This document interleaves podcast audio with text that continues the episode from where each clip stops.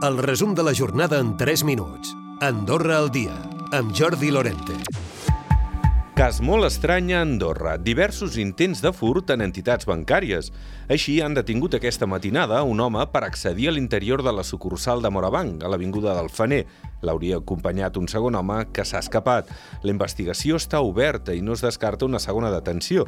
Tot i accedir a l'oficina, no s'han endut res. Hi ha hagut una altra temptativa d'entrar a l'oficina, en aquest cas de Morabanc, de Príncep Benlloc també sense èxit.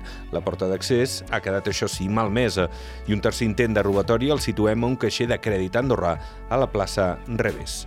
El Ministeri de Funció Pública i el Sindicat dels Treballadors de l'Administració General han arribat a un acord després de la reunió d'aquest dilluns per tractar sobre les noves grelles salarials.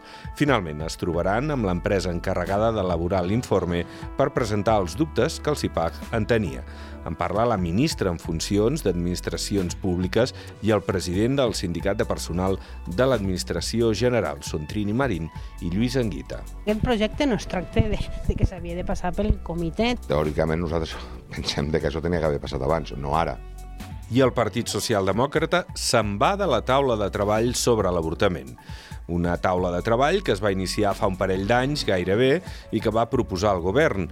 La formació la veu estèril i sense fruits i, per tant, retorna a la línia de lluitar per despenalitzar la interrupció de l'embaràs amb terminis.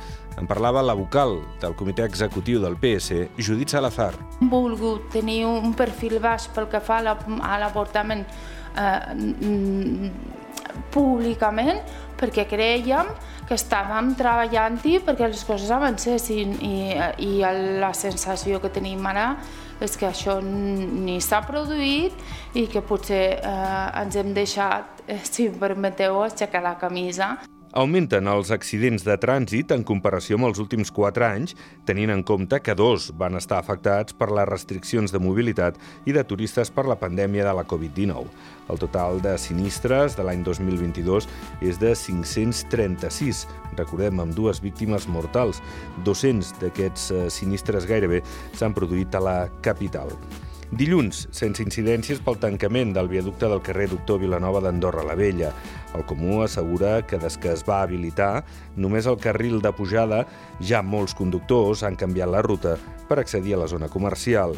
I mentre el Comú de la capital demana prudència i ajorna el reallotjament dels veïns de l'edifici escardat de l'Avinguda Santa Coloma.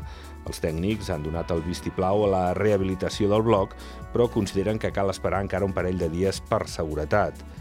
I si us plantegeu votar per correu per aquestes pròximes eleccions del 2 d'abril, doneu-vos pressa, si no ho heu fet encara perquè s'acaba el termini. Aquest dimarts és l'últim dia per demanar aquest tipus de vot per correu. S'han flexibilitzat els criteris, ja no fa falta haver de residir permanentment a l'estranger. Recupera el resum de la jornada cada dia a AndorraDifusió.d i a les plataformes de podcast.